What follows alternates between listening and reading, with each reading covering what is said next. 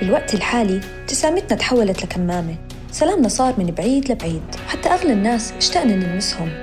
كورونا حددت حياتنا بكل إشي. صرنا نشتري خبز وخضار واحتياجاتنا الأساسية بأوقات محددة.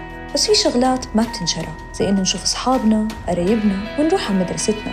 كنا نمشي بالشارع ونحاول نطلع من كل هالخربطة. بس للأسف في فئات كانت منسية وغايبة عن بالي كتير منا يمكن لقلة فرصهم وبعدهم عن الشاشات بس الأكيد إنه ما حدا عرف عنهم أو سمع صوتهم.